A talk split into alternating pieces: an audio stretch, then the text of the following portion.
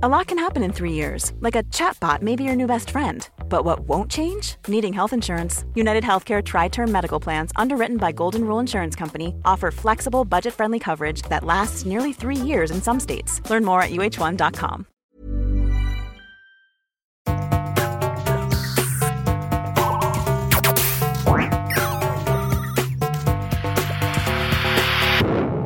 Jeg heter Sondre Risom Livre. Jeg er psykolog, og dette er Webpsykologens podkast. Hverdagspsykologi for eh, fagfolk og folk flest.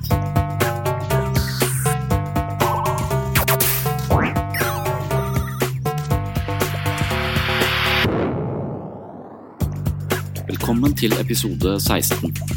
I dag skal jeg ta deg med inn på gruppeterapeutisk poliklinikk. Jeg har min hverdag i gruppeterapi. Her sitter jeg med åtte andre mennesker som har ulike utfordringer i livet, og de er i gruppeterapi for å utvikle seg. Symptomene kan være alt fra depresjon, angst, personlighetsproblematikk, usikker identitet, lav selvfølelse og mye annet. Uansett hvilke plager man har, er det ofte i relasjon til andre at problemene kommer til overflaten. Poenget i mine grupper er å skape en arena hvor man lærer å se seg selv utenfra og andre innenfra. Det kalles gjerne for evnen til mentalisering. Filosofien bak gruppeterapi er omfattende, men grunntanken er at mange av våre konflikter, problemer og utfordringer oppstår i møte med andre mennesker. Det er i relasjon til andre mennesker, venner, familie og kollegaer at følelser står på spill og vi blir satt på mellommenneskelige styrkeprøver. Vår evne til å håndtere det sosiale samspillet henger tett sammen med vår egen selvfølelse og indre balanse. Foredraget du skal få høre i dag, holdt jeg for åtte mennesker som hadde tenkt å starte gruppeterapi. Det er tirsdag morgen, klokka er halv ni. Åtte mennesker møtes for første gang for å finne ut av hva de kan forvente seg av gruppeterapi. Her er det de fikk høre.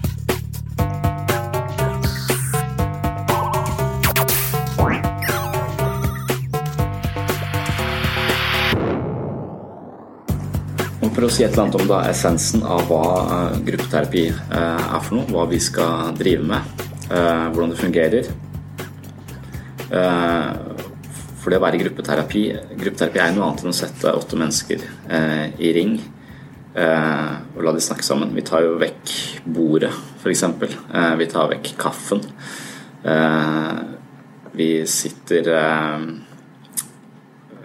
på en måte uten alle disse sosiale livbøyene som vi bruker i, i, i livet der ute. Eh, når vi er stressa f.eks., så drikker vi ofte mye mer eller putter ting i munnen. eller et eller annet sånt. Eh, I terapi så handler det om å prøve å være i kontakt med følelsene og ikke prøve å manøvrere seg unna de eh, ved hjelp av skrible på papiret eller, eller ha et bord man kan gjemme seg litt bak osv. Så, så det er en litt sånn mer utfordrende arena da, når vi sitter i, i ring uten noe foran oss og stirrer på hverandre lenge uten å si noe. Det er jo litt uh, flaut og litt kleint uh, innimellom, og det er en del av det. Taushet, pinlig taushet, det kommer innimellom. Så det venner man seg gjerne til. I gruppeterapi så, så, handler det om, og det står liksom på plansjen bak meg, så at det er name, obvious, altså si det som foregår. Eh, vi skal prøve å undersøke hva som foregår inni oss og mellom oss. Eh, vi skal prøve hele tiden å ha fokus på eh, hvordan jeg opplever det som foregår her og nå. Og gjerne hvordan jeg opplever andre, de andre i gruppa. Og så er poenget å gi en slags tilbakemelding på det. Når man føler seg trygg nok eller syns det er, er, greit å si noe om hvordan man selv opplever det som, det som foregår. Jeg, jeg, tror, jeg tror at det, det vi på en måte tilbyr i gruppeterapi, jeg tror det folk liker, eh, hvis de liker det, er det at det er en slags det vi kaller en slags et metaspill. Eh, jeg tror verden der ute er full av, av, objektspill, hvor vi prøver å gjøre ting i den ytre verden, prøver å tjene mest mulig penger for å få kjøpt mest mulig ting og, og, og stresser av sted, mens vi har kanskje litt liten tid til å stoppe opp og så se innover. Eh, og Hvis vi glemmer å se innover over veldig lang tid, så er faren at vi rett og slett kommer til å miste oss selv, eller at vi tar så lite hensyn til egne behov og egne følelser at de blir nedprioritert, undertrykt, og da kommer til uttrykk som eh, symptomer på et eller annet. Eh, så i gruppeterapi, i terapi generelt, så handler det om å skape en arena hvor man kan kikke innover eh, i seg selv. Og Noen kaller det da det for meta, metaspill. Så jeg vil si at gruppeterapi er en arena for et, et ganske interessant metaspill.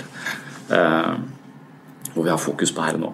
En annen som karakteristisk ting ved gruppeterapi er at det blir veldig kjedelig hvis det blir et kaffeslabberas. Eh, hvis vi blir veldig sosiale, hvis vi blir veldig eh, ja, snakker om vær og vind og, og, og snakker litt i sånne ordspråk og klisjeer og sånn, så, så, så, kan det være at vi er litt utrygge, men at vi safer litt ved å holde oss til disse sosiale føringene eh, og lage en slags sosial arena. Det kommer det til å være innimellom, og det må vi på en måte hakke litt hull på. Men målet vårt er hele tiden å skape en arena som er mer åpen enn det sosiale landskapet vi er vant til der ute. Jeg bruker av og til som eksempel at jeg syns jeg har opplevd at jeg er på fest og noen snakker til meg Eh, eller jeg står og snakker med, med, noen som virker uinteressert i meg. Eh, som gir meg en følelse av at jeg er eh, langt ned på på lista over hvem de hadde hatt lyst til å snakke med på den festen, men nå er de bare tilfeldigvis plassert ved siden av meg, er nødt til å snakke med meg, og ser alle andre veier enn på meg når vi er i, samtalen. Spør gjerne om det samme spørsmålet flere ganger, så det er tydelig at de ikke følger med. Noe som da skaper en slags følelse av å være uinteressant. Jeg føler meg kanskje liten og dum, eh, og, er ubekvem i den situasjonen. På fest så sier jeg da bare du, vi snakkes, eh, og jeg trekker meg unna. Gruppeterapi så trekker vi oss ikke eh, unna. Da sier vi noe om det som foregår der og da. Så eh, Hvis det hadde vært gruppeterapi, så ville man sagt du, stopp litt nå. Måten du er på, måten du snakker til meg på, eh, eller måten du du, på, blikket ditt som flakker rundt hele tiden, gjør at jeg blir veldig usikker. Jeg har en følelse at du er uinteressert i meg. Jeg føler meg liten og dum når jeg, når jeg snakker med deg nå. Det er på en måte, Hvis du gjør det på fest, så blir du ikke bedt på nytt. Eh, for det er, eh, det er eh, litt sånn tabu å snakke om det som egentlig foregår mellom oss. Vi har sosiale koder som sørger for at folk ikke hele tiden går og sier akkurat hva de tenker og føler. Noe som skaper en slags balanse i det sosiale. Det må være der. Det skaper regler og normer vi kan følge etter, så det blir relativt trygt. Men det vil også skjule en del informasjon. Så I gruppeterapi så vil vi på en måte skrelle vekk disse sosiale kodene og prøve å finne ut hva er det egentlig som foregår. Og Da kan det være at han som snakker til meg og virker uinteressert, egentlig har så mye angst at han ikke eh, klarer å følge med på hva jeg sier. Og Da er det helt unødvendig av meg å føle meg liten og dum. Da kan det hende at den følelsen forvandles til en medfølelse eh, for den andre. Så Vi går nok glipp av veldig mye eh, informasjon i det sosiale. I gruppeterapi så er eh, poenget vårt å skrelle vekk disse eh, sosiale kodene, sånn at vi kan komme mer til kjernen av hva som foregår mellom oss akkurat her og nå.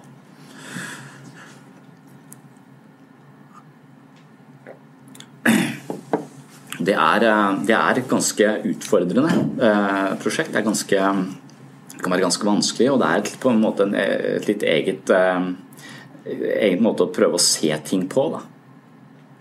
Og jeg har hatt flere eksempler som jeg tror jeg har nevnt, nevnt for dere. men men eksempler fra gruppeterapi altså Når jeg selv har vært i gruppeterapi, så husker jeg veldig godt en, en, en mann som satt ved siden av meg som jeg syntes var kjedelig. Jeg likte han. Vi hadde vært sammen ganske lenge. Eh, i, i gruppeterapi. Og, eh, men når han snakket, så, så, klarte ikke jeg å følge med. Eh, jeg, jeg falt ut og ble rett og slett søvnig. og da var det interessant for meg å høre hva er det han sier for noe. Sier han liksom uinteressante ting? Er ikke jeg interessert i dette her? Men, men, egentlig når jeg hørte på innholdet, så var det interessant det han sa. Altså, det var spennende. Det var viktig informasjon på sett og vis, men jeg klarte bare ikke å fange den. Eh, så, og da, da, er det et poeng der at man må stoppe opp og si noe om at Istedenfor bare Jeg er godt oppdratt, så jeg vil jo bare, i det sosiale vil jeg bare, eh, bare jatta med og følge med så godt jeg kan. Eh, mens i gruppeterapi så må man da prøve å si et eller annet om det som foregår. Si at du, jeg faller litt ut når du, når du, snakker, jeg vet ikke helt hva som er her, men jeg syns det er vanskelig å følge med. Du mister meg eh, stadig vekk. Da kan man høre med gruppa. ikke sant? Og det er Fordelen med gruppeterapi er at man har ikke bare én terapeut eller en annen person som kan se det.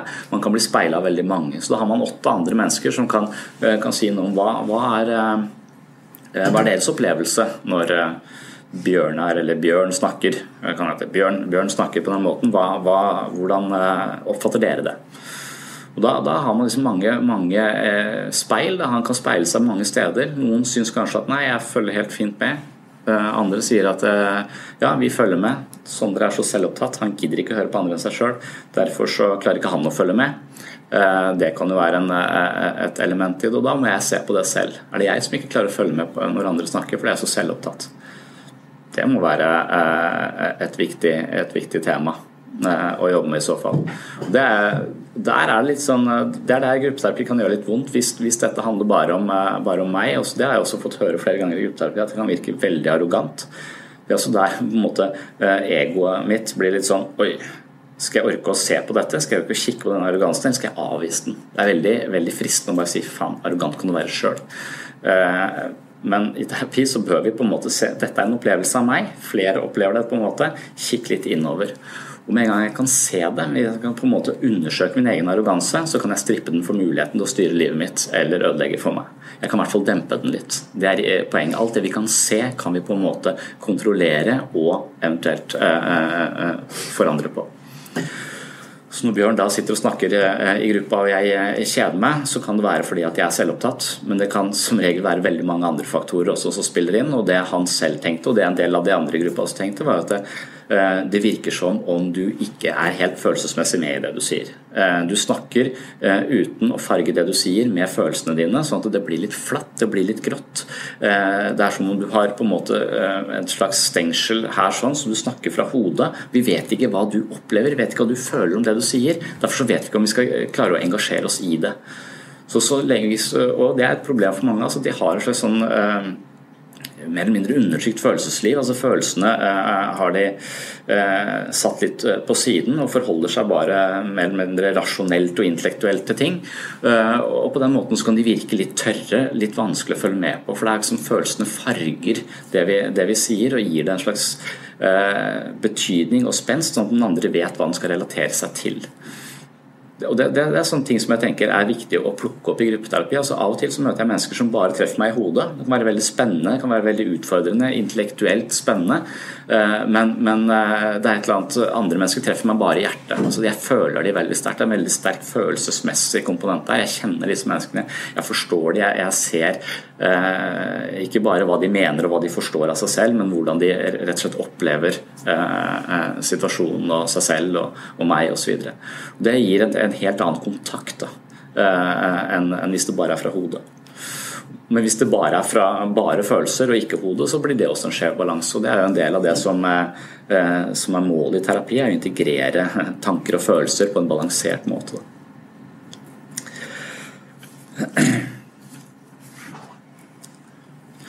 Flere, flere eksempler fra, fra gruppeterapi.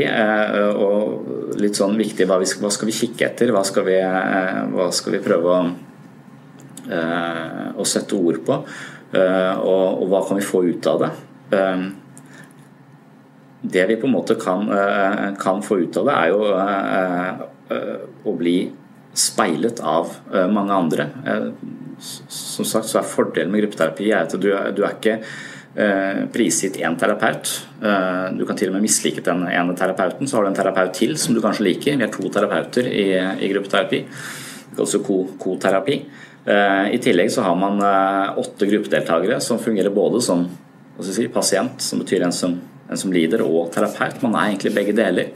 Det er et gi og ta-forhold.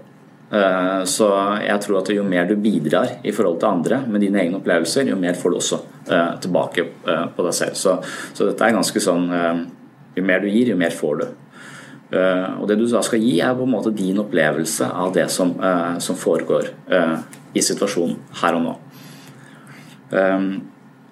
Og eh, våge å være litt eh, spontan. Hvis du tenker veldig veldig nøye gjennom alt du eh, skal si, og er veldig sånn politisk korrekt og, og, og, på en måte alt er sånn gjennomtenkt og gjennomtygd, så er det ikke sikkert at det er så lett å respondere på det. Fornuftig sagt. Vet ikke mer. Det må man kjenne etter er hva føler jeg for det. Er det et eller annet her jeg føler som ikke nødvendigvis er helt riktig å føle, men som jeg likevel, likevel føler for det andre mennesket.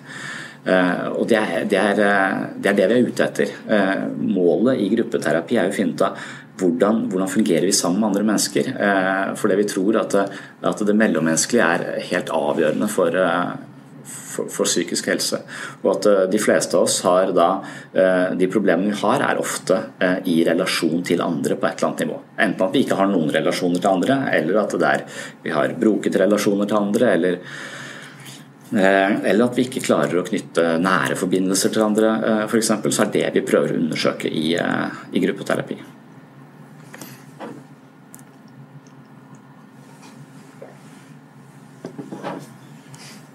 Jeg husker en, eh, en dame. Eh, hun var 42, eh, drosjesjåfør. Hun satt Hadde vært i gruppa noen måneder. Tok ganske mye plass, syns jeg. Vi hadde en ung gutt. Han var homofil, redd for å si til pappaen sin at han var homofil. Hadde en ganske streng og fordømmende far, på sett og vis, og det var hans problem. Han var veldig, veldig sjenert. Eh, han hadde veldig problemer med, å uttrykke seg. Han hadde, sittet, han hadde vært en stund i gruppa, han òg, men hadde sagt veldig lite. Gruppa var veldig interessert i han, spurte liksom til han av og til eh, og ville at han skulle eh, fortelle noe. Men han brukte ofte litt tid. Men, men på slutten av en time så, så, kom han fram med en del ting. Sa litt om, om, frykten sin for å stå frem som homofil, og, og delte noe av det som foregikk inni han med, med gruppa. Og det var trygt for gruppa, for da blir de litt, litt kjent med han. Neste gang så sier gruppa at du kan ikke du, eh, Per, fortelle litt mer om hva som, eh, det, det du sa sist. Det, det, tror jeg er viktig, viktig, for deg. Og Han bruker som vanlig litt tid, litt sånn eh, urolig. Um, og, men idet han skal til å si noe, så sier hun, hun dama på, på 42 at ja, hvis ingen har noe annet å komme med, så har jeg et problem. Og så begynner hun å fortelle om problemet sitt. Og Problemet hennes er at det, det, hun har fått en eh, tante på besøk Eh, som bare skulle være egentlig fra lørdag til søndag, når det har blitt ei hel uke. Vi får henne ikke ut igjen. Eh, og hva skal hun gjøre med det? Og Da begynner gruppa å, å gi råd. Da.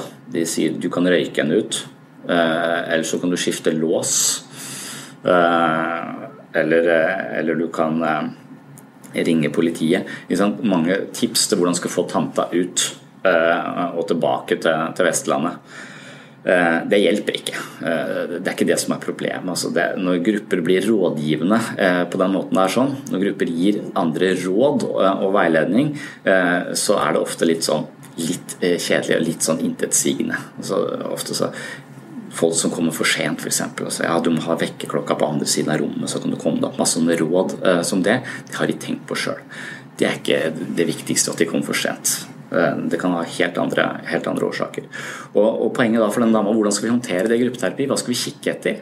Og, og, Det viktigste når eh, denne dama bryter inn rett før denne eh, Per er i ferd med å si et eller annet, denne sjenerte gutten, eh, og hun bare bryter inn og, ta, og stjeler hele showet og, og tar oppmerksomheten på, eh, på seg selv, så, så, er jo det er nettopp det som er viktig. Det er timingen hennes. Altså, da må jeg på en måte tenke hvorfor kom hun i terapi? Hun kom i terapi fordi hun var ensom. Hun følte at alle vennene hennes var dårlige venner. De svikta henne, de ville ikke ha noe mer enn å gjøre. De ringte ikke tilbake henne osv. Hvorfor det? Fordi hun lytter lite til andre mennesker. Eh, hun er veldig opptatt av, av, av, seg selv. Hun har lite evne til å lytte, eh, lytte, til andre. og Det er det sentrale. Det er det som foregår der og da. Hun er lite sensitiv overfor det Per har å si. Og hun trekker, eh, når det er helt åpenbart for de andre at han er i ferd med å, å ta en si, si, noe som er en viktig gjennombrudd for han, så, så, bare kommer hun ut med, sitt. Og det er det viktige. Så du, stopp litt her. Nå avbrøt du for det første Per, og du har ført gruppa inn i et spor hvor de er veldig opptatt av deg, men, men på en måte som egentlig ikke gagner noen. De gir deg råd for hvordan du skal bli kvitt tanta di. Det er, ikke, det er ikke noe vi kan Det er et problem som tilhører den faktiske verden der ute. Det er ikke det som er sentralt her. Sentrale her nå er timingen din og måten du er på, og, og stjeler oppmerksomheten på sett og vis. Eh, så eh, vi skal prøve å ha fokus hele tiden i gruppe på det som foregår her og nå. Og Da må vi ha litt historier. Vi må ha noen tanter der ute. Og hver og en må fortelle litt om hvem de er, og gi en slags referanse i forhold til uh, hvordan de tenker de har kommet seg i denne situasjonen. Hva er opphavet til de vanskelighetene man har i dag? Og hva er årsaken til at man kommer i, i, i gruppeterapi? Men hovedfokus i gruppe bør være her og nå.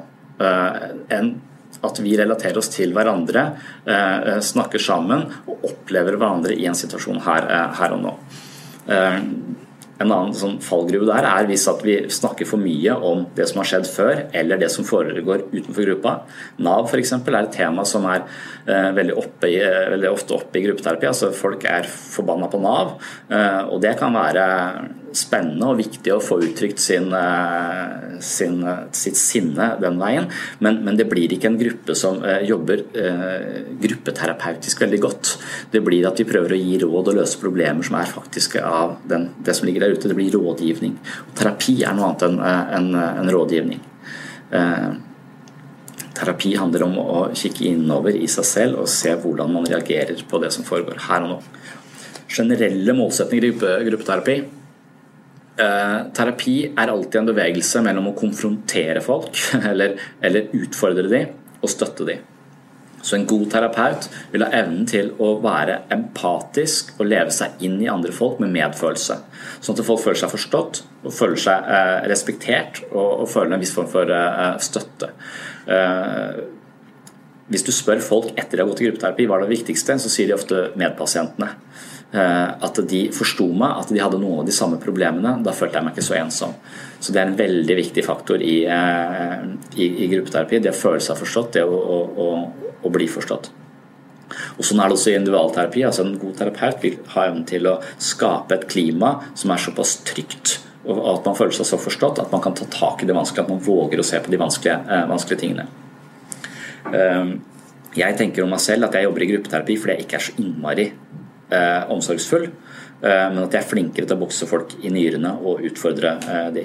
Og Da er gruppeterapi et ganske godt sted eh, som terapeut for meg, for at grupper, gode grupper har respekt for hverandre og støtter hverandre. Man finner ofte en i en gruppe som man kan relatere seg til, som man kan på en måte eh, få et fortrolig eh, forhold til. og Da tåler man at noen er mer sånn ute og, og skaper bevegelse. Så Som gruppeterapeut så er egentlig min jobb eh, sammen med koterapeut og eh, ha en god blanding av utfordring og trygghet. Liksom good cop, bad cop. altså Hvis at jeg oppfører meg som en idiot uh, og sier masse tullete ting så folk blir provosert, så, så, kan det være at en god terapeut bør uh, dempe uh, det litt og være mer støttende til stede. Det er ikke noe vi sånn reflekterer sånn veldig, veldig, over, men jeg tror vi inntar sånn automatisk litt sånne prøver å regulere dette, dette feltet. Hvis en gruppe er veldig unnvikende, hvis dere bare sitter der og ikke vil si noe om dere selv og ikke opplever noe som helst, som holder korta tett til brystet og det blir veldig stille stille, eh, så blir det veldig kjedelig. Eh, det blir litt sånn langdrygt. Eh, og da vil jo egentlig min jobb være å tuppe til gruppa og si at nå safer dere, nå, nå, sier dere bare veldig Dere snakker generelle ting, dere snakker om, om politikk og, og, og generelle ting som som på en måte fjerner dere som personer i det som foregår. Vi er ikke personlige, vi er et diskusjonsforum. Dette kan man gjøre i en syklubb. Nå, eh, nå, må vi våge å være mer til stede her og nå. Så Min oppgave er da å prøve å tuppe til gruppa, utfordre den. Men hvis det blir for mye hvis det blir for mye følelser uten at vi klarer å se hva som foregår, så bør jeg være de frontallappene som går inn og prøver å roe det litt ned. Prøver å plassere ting sånn at, blir, eh, sånn at vi blir venner før vi legger oss. Eh, på en. Så en, en, god gruppe har en god balanse mellom å være følelsesmessig veldig i det som skjer, og være ganske spontan, ureflektert til stede og så gå ut og se hva skjedde. Hvorfor reagerte jeg så voldsomt på det? Hva, hva var det det han sa som, som, gjorde at jeg ble så krenka? Det var jo egentlig ikke så, så, alvorlig, men likevel, det traff meg veldig. Hva handler dette om? Uh, man kaller det nesten hermetikk. altså Man går inn i følelsen, og så går man ut igjen. Så man har denne bevegelsen her hele, uh, he, hele tiden. Så uh, vi skal finne en god balanse mellom eh, trygghet og utfordring. Eh, det står evnen til en annen målsetning i gruppeterapi er evnen til å holde ut samvær med andre. Evnen til å dra nytte av samvær med andre. Eh, det er også helt, helt sentrale ting for folk. Altså det, noen går i gruppeterapi og sier nei, jeg kan ikke være der, for jeg blir bare, blir bare så bekymra for alle de andre. Jeg orker ikke høre på andres problemer. Altså, jeg sitter jo i gruppeterapi hele uka, nesten sagt. Og, og, og, jeg tror det er mange måter å forholde seg til andre, andres problemer på. Altså, hvis jeg klarer å følge med et annet menneske, så, så, blir jeg litt glad av det. Selv om dette er en forferdelig historie, kanskje. Og, men hvis jeg klarer å ha en god medfølelse med det, så, så syns jeg det, det, er noe varmt og godt. Uh, uh, men det blir ikke smitta av andres uh, av andres problemer, men det er en følelse folk, folk kan ha. Det, det, det, mye verre er det når folk forteller forferdelige ting og jeg ikke føler noe. Altså det er også veldig sentralt. Altså ofte så, så, så, kan det være et veldig sånn viktig tema i gruppeterapi. At du forteller om en forferdelig barndom eller en forferdelig opplevelse, og det eneste jeg sitter og kjenner på, er irritasjon. Jeg irriterer meg over måten du presenterer dette på. Det, det er et ekstremt viktig tema. Man vil ikke si det så direkte, men jeg vil legge merke til at jeg klarer ikke å ha empati med det mennesket. Hva er det for noe? Og Min idé da er at hvis jeg ikke klarer det, og jeg syns at gruppa kobler litt ut her, så vil det mennesket være i en posisjon hvor det trenger masse støtte og bekreftelse, men strategien på å få det er feil, som, som blir hele tiden avvist. Eh, det er jo kjempesentralt å finne ut av hva er det måten du presenterer ting på som gjør at du ikke får den eh, støtten du trenger. Eh, så det er veldig veldig eh, viktig gruppetema. Veldig litt sånn diffust, men sånne ting vi må, må, må blåse opp. Så, ja. Og, og, og, dette med å dra da nytte av samvær med andre, klare å være sammen med andre og relatere seg til andre, er også et, et, et helt sentralt tema for, for de fleste. Altså, jeg opplever ofte at de som har Eh, vanskeligheter i livet sitt, har én eh, av to eh, utfordringer. Noen har problemer med å ta folk helt inn. Noen holder folk helt inn på en armlengdes avstand, forholder sin intellektuelt saklige til ting, lite personlig, sånn at ingen egentlig kommer helt tett på dem. Altså, så Den innerste sirkelen vi trenger, den, den, der er vi aleine. Mennesker trenger en fortrolig person som vi kan fortelle eh, alt til. En som vi på en måte kan dele ting med. En, en fortrolighet. Eh, og Det trenger ikke være så mange, det kan være én eller, eller, to. Men vi kan på en måte fornemme det i gruppeterapi hvis man hele tiden føler en viss form for avstand til den andre. Også veldig diffust vanskelig å finne, uh, finne ut av, men, men, det er det vi er på jakt etter. Og Da vil personen ofte ha, uh, ha Personen kan ha masse venner være veldig sosial og blid og utadvendt og ha et stort nettverk, men ingen som egentlig kjenner de eh, helt. Da mangler de noe i den innerste sirkelen. Så kan det være motsatt hos andre, at de har én person som de er sammen med hele tiden, som de bor sammen med, som de deler alt med, men at verden der ute er skummel. Lite nettverk, eh, og der ute er skummelt, her inne er det trygt. Så de gjemmer seg i den innerste sirkelen, men mangler noe i den ytterste eh, sirkelen. Så evnen til å på en måte skape en balanse her, og trene i den sirkelen man eventuelt mangler noe i, eh, er også viktige temaer i, i gruppeterapi. Normally being a little extra can be a bit much. But when it comes to healthcare, it pays to be extra. And United Healthcare makes it easy with Health Protector Guard fixed indemnity insurance plans. Underwritten by Golden Rule Insurance Company, they supplement your primary plan, helping you manage out of pocket costs without the usual requirements and restrictions like deductibles and enrollment periods. So when it comes to covering your medical bills, you can feel good about being a little extra. Visit uh1.com to find the Health Protector Guard plan for you. Millions of people have lost weight with personalized plans from Noom, like Evan, who can't stand salads and still lost 50 pounds. Salads, generally, for most people, are the easy button, right? For me, that wasn't an option. I never really was a salad guy. That's just not who I am. But Noom worked for me. Get your personalized plan today at Noom.com. Real Noom user compensated to provide their story. In four weeks, the typical Noom user can expect to lose one to two pounds per week. Individual results may vary.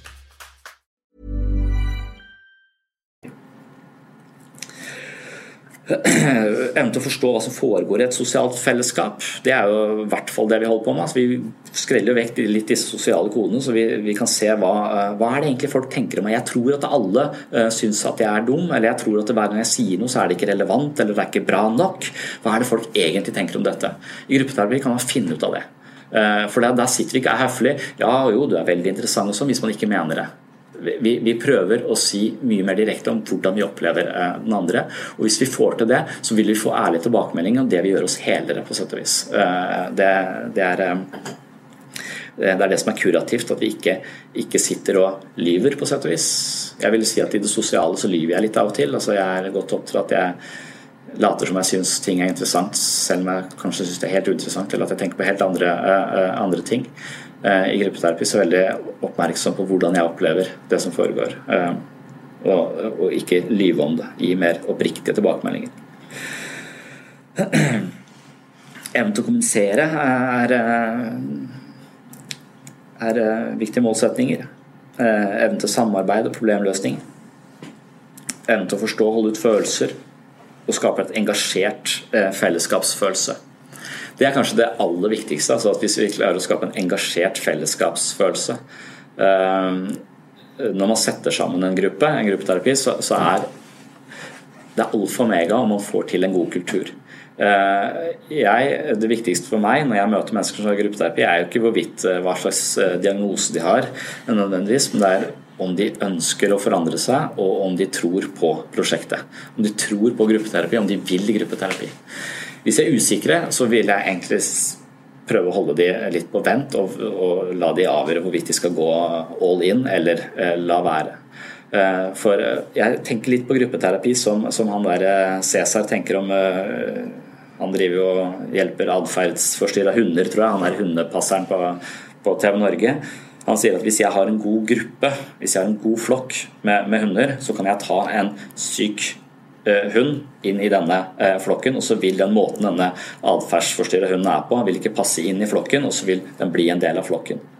Uh, og, og, Sånn er det litt i, litt i gruppeterapi. altså vi kan tenke litt sånn at Hvis vi har en god kultur, hvis vi har en åpen, respektfull og undersøkende kultur, hvor alle er med på å og, og bidra og interessert i prosjektet, så så, vi, eh, så, så, vil de som da er mer skeptiske, de vil kultiveres inn i dette og bli en del, eh, del av det. Så kulturen i gruppa er helt avgjørende. Og, og, og, da trenger vi at folk stiller opp, vi trenger at folk kommer på tida, og det er rammen i gruppeterapi kommer inn. Vi er veldig strenge på rammene. Vi er eller vi er ikke strenge på rammene, vi er for lite strenge på rammene. For det er viktig at vi holder på rammene for at dette prosjektet skal få noe betydning. Eh, det betyr at de som eh, deltar, har bestemt seg for at dette vil jeg prøve. Dette skal jeg gå, her skal jeg gå all in. Jeg skal prioritere det. Jeg skal legge tannlegetimer på andre tidspunkter, og jeg skal komme. For gruppeterapi så er man ikke bare seg selv. Det er ikke bare seg selv man, eh, man hjelper. Man er en tannhjul i et større maskineri, og det er hele gruppa. Så man er der både for gruppas del og for sin egen del. Uteblir man, så hanker hele prosjektet. Eh, kommer man alltid for seint, så forteller man indirekte til gruppa at ja, dette er ikke så viktig, jeg kommer og går litt sånn som jeg vil. Jeg er nå her, men jeg har ikke helt troa på dette. Det vil smitte. Det vil ødelegge prosjektet alle. Han husker er viktig, kanskje ikke det er så viktig likevel. Og så, eh, og så, og så dreneres eh, hele terapien for den meningen og den betydningen det kunne hatt hvis alle investerer i det. Så, så vi trenger en god kultur, og vi trenger folk som virkelig vil, eh, eh, vil dette for at det skal fungere. Hvis vi er skeptiske og kommer og går litt som, eh, som vi vil, så, så, har vi sett så mange ganger at, at vi egentlig de som da faktisk stiller opp og kommer, de sitter der for lite ut av det. For vi sitter egentlig og venter litt på den som ikke kommer. Og når den ikke kommer, så neste gang så vet vi ikke hva som foregikk sist. Og da må vi begynne litt på nytt, og så får vi egentlig ikke noen kontinuitet i det. Så vi trenger kontinuitet, og det er derfor vi prøver nå også poengtere dette i en slags undervisning, at rammene i gruppeterapi er eh, kjempeviktige. Eh, rammene både det at vi ikke har med kaffe inn i samtalegruppa, at vi ikke har, har med forskjellige sånne sosiale fakter som vi kan på en måte gjemme oss bak. Eh, at vi kommer på tida, at vi slutter på tida, og at vi respekterer dette. Det, det, det som er rundt det, det, er, det, handler om kultur, og det handler om Og det er helt avgjørende for, for om vi skal lykkes en siste ting i forhold til dette med, med kultur og, og, og, og, på en måte deltakelse i gruppe. Man, man må delta, man må, gjøre, man må bidra med sine, det som foregår inni seg selv.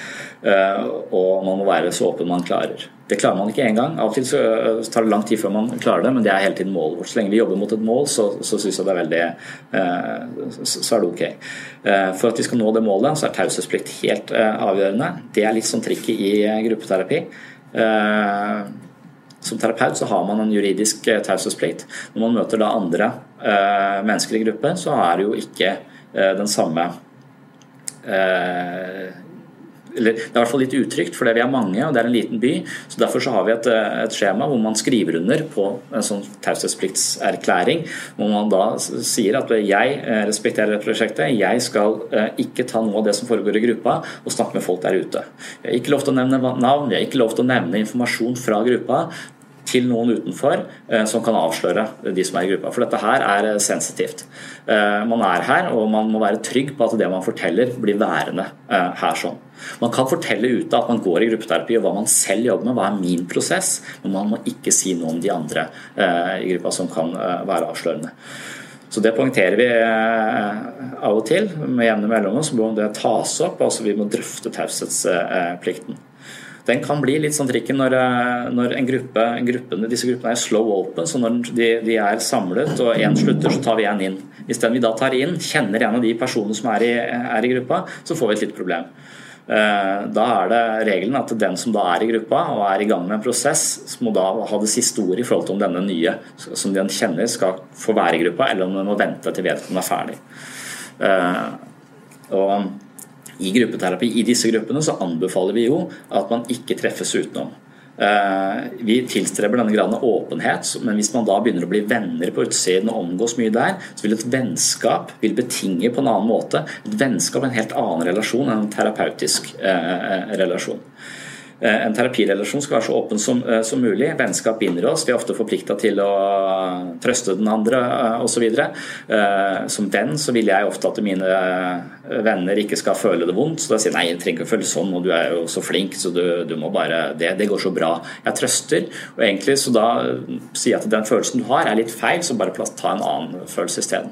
I gruppeterapi så gjør vi ikke det. Vi skal i mye større grad la følelsen være der, se den, tåle den og undersøke den, og ikke på en måte bare feie, eh, feie, den vekk. Og Det krever at vi har den helt åpne eh, relasjonen som da ikke er bundet av andre vennskap eller, eh, eller kjennskap fra tidligere osv. Avhengighetsproblemer, det syns jeg at grupper er veldig gode til å, å, jobbe med. Jeg syns at grupper er gode til å, styrke folks selv, selvfølelse og autonomi på, på en måte. Um, Eh, hvis man som hjelpearbeider eh, har et sånn innmari ønske om å hjelpe andre mennesker og på en måte tenne litt på at man blir viktig for andre mennesker, så kan man sette seg i en sånn posisjon at andre blir avhengige av oss eh, og, og kanskje trives med det, på sett og vis uten at vi egentlig er oppmerksom på det. Eh, så, så man, jeg blir den viktigste støttespilleren for denne personen. Jeg er, og Det kan booste mitt ego og gi meg en slags følelse av å være viktig, mens det bare forsterker den andres, andres avhengighet. Um, uh, og, det er individualterapi å sjonglere dette med å gi støtte og bekreftelse og trygghet kontra det å utfordre, kan da bli litt skeivt innimellom. I gruppeterapi så syns jeg det jevner seg ut ganske godt eh, med at folk kan, eh, kan eh, få støtte av noen, samtidig som de blir utfordra av noen andre. Så dette foregår veldig sånn parallelt. Da. Jeg merker jo at med, med, med min koterapeut så, så, er det sånn at hvis jeg blir litt for på og litt for utålmodig og, og, og dytter litt for mye, så, så merker jeg at hun av og til inntar den andre posisjonen og prøver å støtte og forstå og, og, på en måte skape en viss balanse. Og jeg merker at jeg gjør det samme. Det er ikke noe vi gjør bevisst, det er ikke noe vi snakker om eh, på, på, forhånd, men det er, det er, noe som jeg føler eh, foregår. Jeg opplever også det med gruppa. Hvis at jeg er litt ute på, uh, på, dypt vann og litt for på en eller annen, så, så kan det være at gruppa kommer inn og støtter seg. Nå må du roe deg ned at, uh, og, og, gir en nyansert Eh, oppfattelse av situasjonen som kan gi den støtten personen trenger. da, Ikke føle seg totalt overkjørt.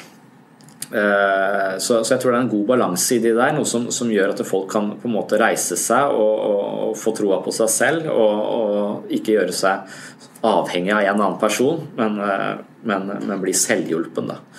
Og det å å hjelpe folk sånn psykisk sett. Det er jo litt det som Bjørn Eidsvåg sier, at jeg kan ikke gråte for deg, men jeg kan gråte med deg osv. Vi, kan eh, vi kan ikke gjøre oss til en eh, så viktig person at vedkommende er avhengig eh, av oss. Vi må hjelpe folk til å bli selvhjulpne, altså skape selvstendighet, autonomi, trygghet på seg sjøl til å møte livets utfordringer, på sett og vis. Problemet med å akseptere kritikk og ros jeg vet ikke hva som er vanskeligst. Eh, mange syns ros eh, kanskje er vanskeligst, men, noe, men, en del har ikke noe særlig sansen for kritikk heller. Jeg, jeg, tror at gruppeterapi eh, fungerer fordi at vi ikke eh, Vi prøver å fri oss litt fra disse sosiale kodene. hvor Vi er programforplikta til å på en måte rose eller eh, gi gode tilbakemeldinger eller, eller noe sånt, men at vi i mye større grad sier det vi faktisk mener. Noe som betyr at det vi sier veier mye tyngre. Så når jeg virkelig kjenner noe er på en måte imponert eller kjenner en sånn varm følelse for en annen i gruppeterapi, så gir jeg uttrykk for det, og da tror jeg personen vet at det, det ikke er noe jeg finner på for å trøste. Uh, en god venn er gjerne sånn at du sier 'nei, det går bra', og 'du er så flink', og 'er så glad i at dette Og da er det ofte noe man bare sier fordi man, uh, man er venn, og det er sånn venner gjør. Uh, og mens i gruppeterapi så, så, sier vi det samme, men vi sier det kanskje i mye større grad når vi faktisk mener det. Og jeg tror at når vi ikke overøser folk med ros og komplimenter og osv., så, så er det når vi sier det også det veier tyngre. Jeg tror den åpenheten vi har, gjør at vi, de tilbakemeldingene vi gir hverandre, har en mye eh, eh, er mye ja, har større gjennomslagskraft. Da. Eh, og det tror jeg er et viktig Noen sier jo at for én negativ kommentar så trenger jeg 100 positive. Du kan jo på en måte bombardere folk med positive kommentarer, hvis du bare, men hvis, du ikke, hvis det ikke er ektefølt, så har du ingen, ingen effekt.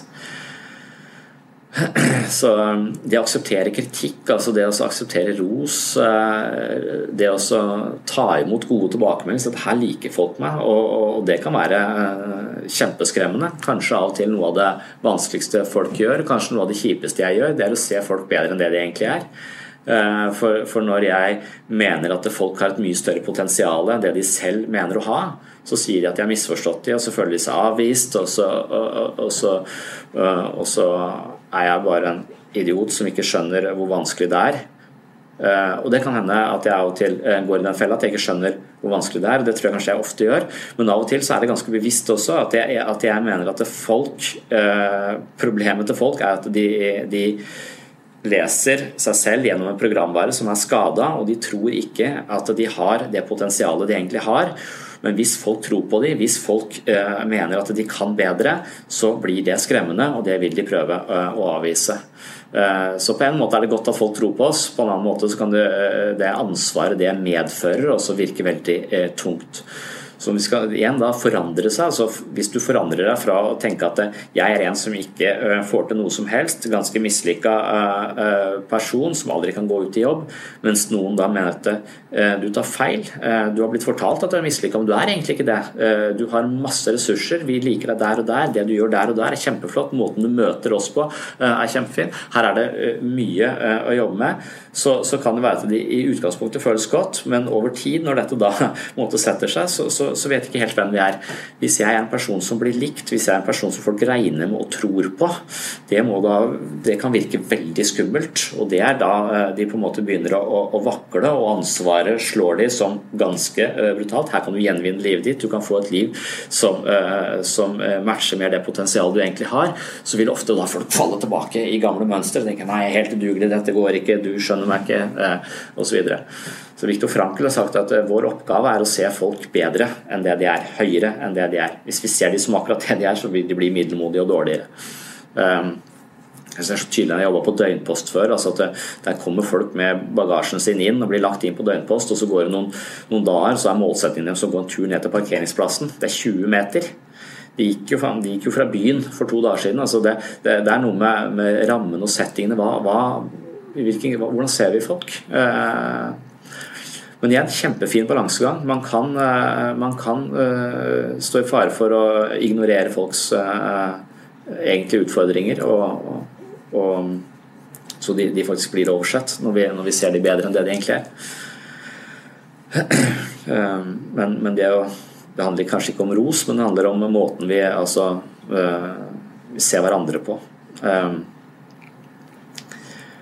Eh, min, min, erfaring er vel kritikk eh, Jeg føler jo at mm, kritikk er kanskje når, når noen ser sider ved deg som, du, som, de påpeker, og som de mener eh, du kan gjøre noe med, og, så, og da har vi ofte et ego som sier at Eller som ikke liker å ta, ta til seg denne informasjonen. Da. Så min ting er når jeg har gått i gruppeterapi og, og blitt anklaget for å være arrogant, så har det eh, så følt det som kritikk. Eh, og da er jeg, min umiddelbare reaksjon da er å gå til motangrep og si at eh, jeg er faen ikke arrogant. Det kan du være sjøl. Men, men, da har jeg jo på sett og vis kanskje avvist riktig informasjon. og Det er vel en idé i gruppa. Det er kanskje greit å reagere sånn, for da ser du et mønster hos meg. Du ser at jeg, jeg lett forsvarer meg hvis jeg utsettes eh, for kritikk. Men hvis jeg da klarer å se hmm, det er flere som opplever meg på denne måten. Kanskje jeg må se innover og finne ut av hva er det de, er det de ser, hva er det de påpeker eh, hos meg. Så kan jeg gjøre det, så kan jeg kanskje se det og strippe det for muligheten til å styre, eh, styre livet mitt. Eh, det vil kanskje oppleves som kritikk, men, men, hvis jeg klarer å ta det innover meg, så, eh, så, kan det være smertefullt, men det kan også være på en måte veien til forandring. Eh, så derfor så skal forandring gjøre litt, eh, litt vondt, tror jeg. Kommunikasjonsproblemer også, kan også bli veldig tydelig i Eh, i grupper. Et, et godt sted å jobbe med, med kommunikasjonsproblemer. Det, det, det, som kalles psykisk ekvivalens, betyr at vi har en formening om at andre folk burde forstå hva som foregår inni oss, uten at vi egentlig sier det. Og det skjer ofte i parforhold, at man, du burde skjønt ting du burde forstått dette av deg sjøl uten at ja, du sa jo ikke noe om det. Ja, men det burde du skjønt. Uh, ideen om at andre kan lese tankene våre, er ganske utbredt i, uh, i, i parforhold.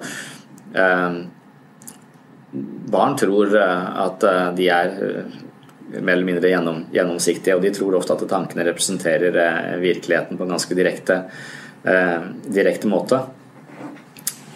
men, men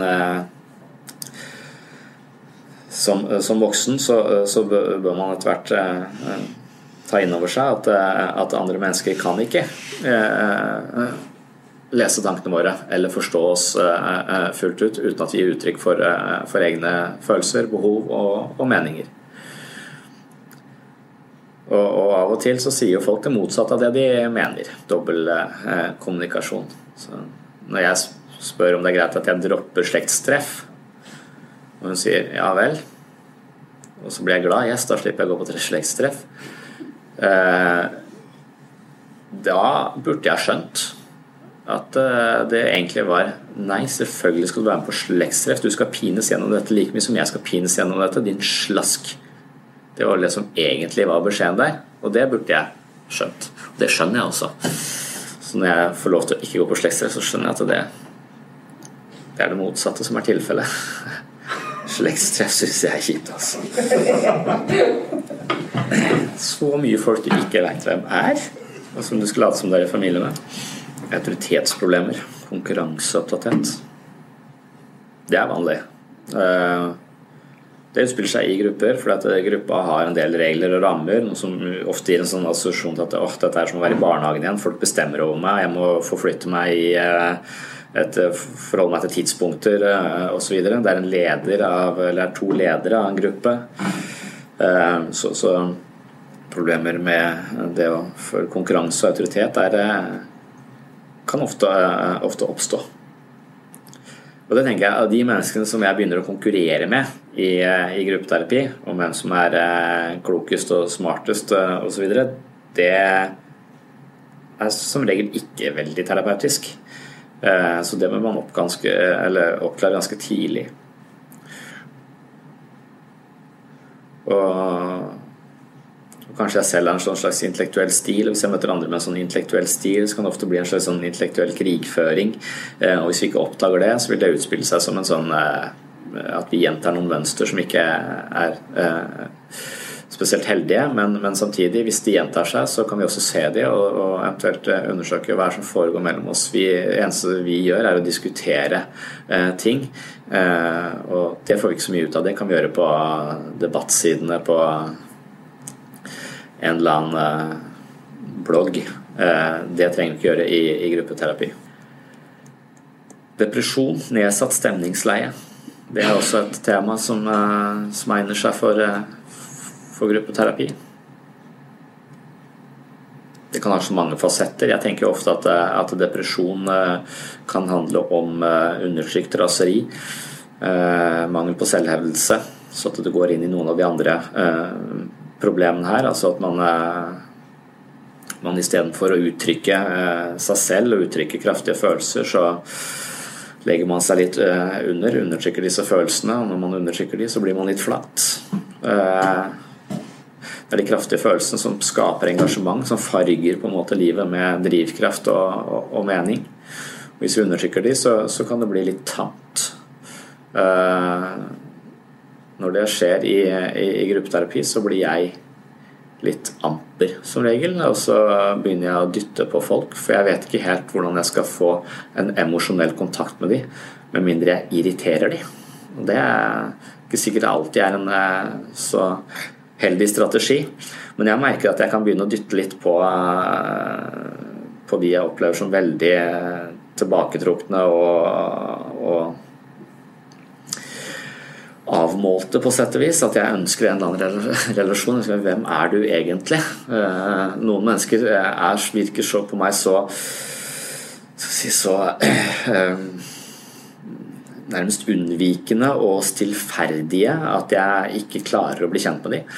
Spesielt da individualterapi. Altså de, hvis jeg sitter på kontoret med dem, og uansett hva jeg spør om, så får jeg et sånn overfladisk svar, eller jeg får 'jeg vet ikke', eller eh, 'hvordan går det med deg'? Jo, det går litt opp og litt ned.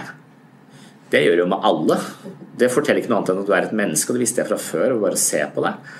Eh, så, så, noen har en, eh, er liksom du skal høre mye før øra faller av, og snakker nærmest i ordspråk altså som gjør det så generelt og upersonlig at jeg aner ikke hvem vedkommende er. Da tenker jeg av og til at jeg har lyst til å spille fotball med dem, at jeg har lyst til å takle dem og merke, se om de takler tilbake. For, for, å på en måte få en følelse for hvor er din vilje, hvor er din kraft. Um, og da blir jeg utålmodig, og da tror jeg ikke jeg blir en spesielt god terapeut heller. Uh, så da, da, pleier det å gå uh, uh, på trynet. Eh, men hvis jeg da får hjelp av en gruppe som kanskje er trygg nok til at de klarer å inkludere denne personen, klarer å, støtte personen, klarer å eh, gi personen nok trygghet rundt seg, så kan det være at de, de klarer å vekke til live følelser på en annen måte enn min mer sånn vokse deg nyrene-strategi. Og gode grupper er da støtte hverandre såpass mye at det, det gir en følelse av trygghet. Sjenanse og skyhet, altså det Sjenanse og skyhet det noen kaller det sosialangst. Jeg har skrevet en bok som, eh, som handler om når, sosial, eh, når det å være sjenert ble en diagnose. Ble til sosialangst. Sjenanse og skyhet er vel en normal variasjon, det sier befolkningen. Alt er ikke da sykelig, men vi kaller det sosialangst når det blir så problematisk at man ikke nærmest omgås folk, isolerer seg eh, hjemme. Eh, og ikke har noen ja, holder seg for seg selv. Og, og, da vil jo gruppeterapi være forhåpentligvis igjen en arena hvor man kan prøve å bryte dette mønsteret. Gjøre det motsatt av det man er, er, er vant til. Istedenfor å trekke seg unna, holde kjeft, eh, tie stille, tenke at jeg har ikke noe å komme med her. Eh, rett og slett bare gå aktivt inn for å bryte det mønsteret. Bli sett. Dette er veldig sånn derre eh, tematisk si, i gruppeterapi. Forholdet mellom å bli sett, bli gjenstand for andres oppmerksomhet, som skaper angst som regel, eh, kontra det å være stille, sitte og observere, ha meninger, kjenne, ha følelser, men ikke gi det et uttrykk. Og da bli usynlig hvis man bare holder det i seg selv. Man blir oversett rett og slett med sine meninger. Ekstremt ubehagelig å bli oversett, eh, samtidig som det kan være ekstremt ubehagelig å bli sett den der synlig, ikke-synlig eh, problematikken, eh, den, eh, den, utspiller seg i mitt tilfelle på mange områder i livet, men den blir ofte veldig tydelig i, i, i, i gruppe, gruppeterapi. Eh, jeg har sagt det før, men det blir jo nesten mest tydelig i, eh, i storgrupper. Eh, på sånne Når man går og lærer gruppeterapi, så har man ofte har man vært utsatt for det som kalles storgrupper, hvor det sitter 70 mennesker i en ring. Vi sitter jo 10 mennesker i en ring og stirrer på hverandre, men i storgrupper sitter man 70 mennesker i en ring. Og, og det blir kanskje et eller annet samtaletema som man har en sterk mening om, og som man ønsker å, å komme frem med. Men med en gang man gjør det, så, så, så merker man at 70 mennesker blir helt stille eh, og ikke sier noen ting. Og da kan fort angstnivået øke litt. Hva tenker dere om meg nå? Så må man begynne å spørre hver enkelt av de 70. Hvordan oppfatta du det? sa jeg mente det ikke på den måten. Skal prøve å kontrollere hvordan 70 mennesker oppfatta det du sa. Det er ganske slitsomt. Eh, så det, det, å bli synlig for 70 mennesker det er ganske angstprovoserende. Men det å holde kjeft også og mene noe sterkt om det som blir sagt, det er ganske utilfredsstillende, det også. Så dette er sånn damned if you do and damned if you don't-problematikk som speiler livet, tror jeg, på ganske mange, mange måter. Hvis man da sliter med at man som regel alltid holder tilbake istedenfor å si noe, som jeg vil da kalle litt sånn undertrykkelse av egen drivkraft og vilje, og, og det å på en måte gjøre seg selvhevdende og markere seg og ta sin plass, på en måte.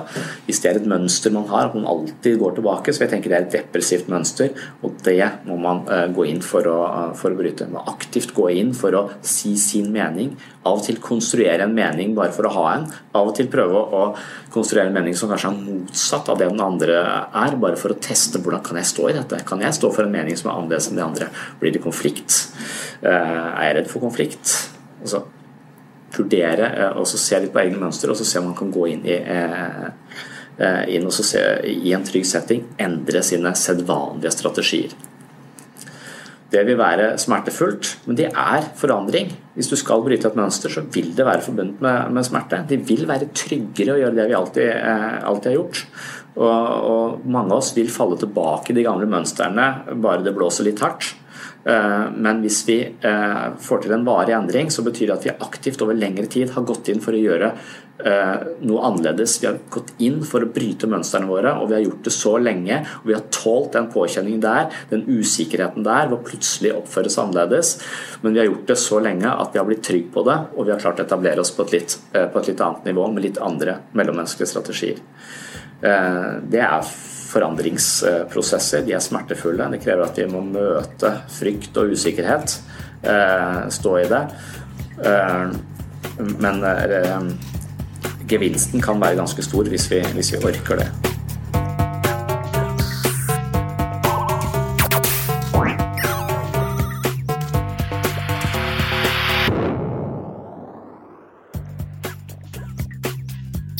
Hørte på Webpsykologens eh, podkast. Jeg syns gruppeterapi er veldig spennende. Faktisk så spennende at jeg har laget en egen side som heter gruppeterapi.info her kan du finne et tyvetalls artikler og en rekke videoforedrag om ulike aspekter ved selvutvikling og gruppeterapi. Ellers vil jeg som vanlig anbefale webpsykologen.no og psykolog.com. Dette er vår største side for alle med interesse for psykologi og selvutvikling. På gjenhør i neste episode.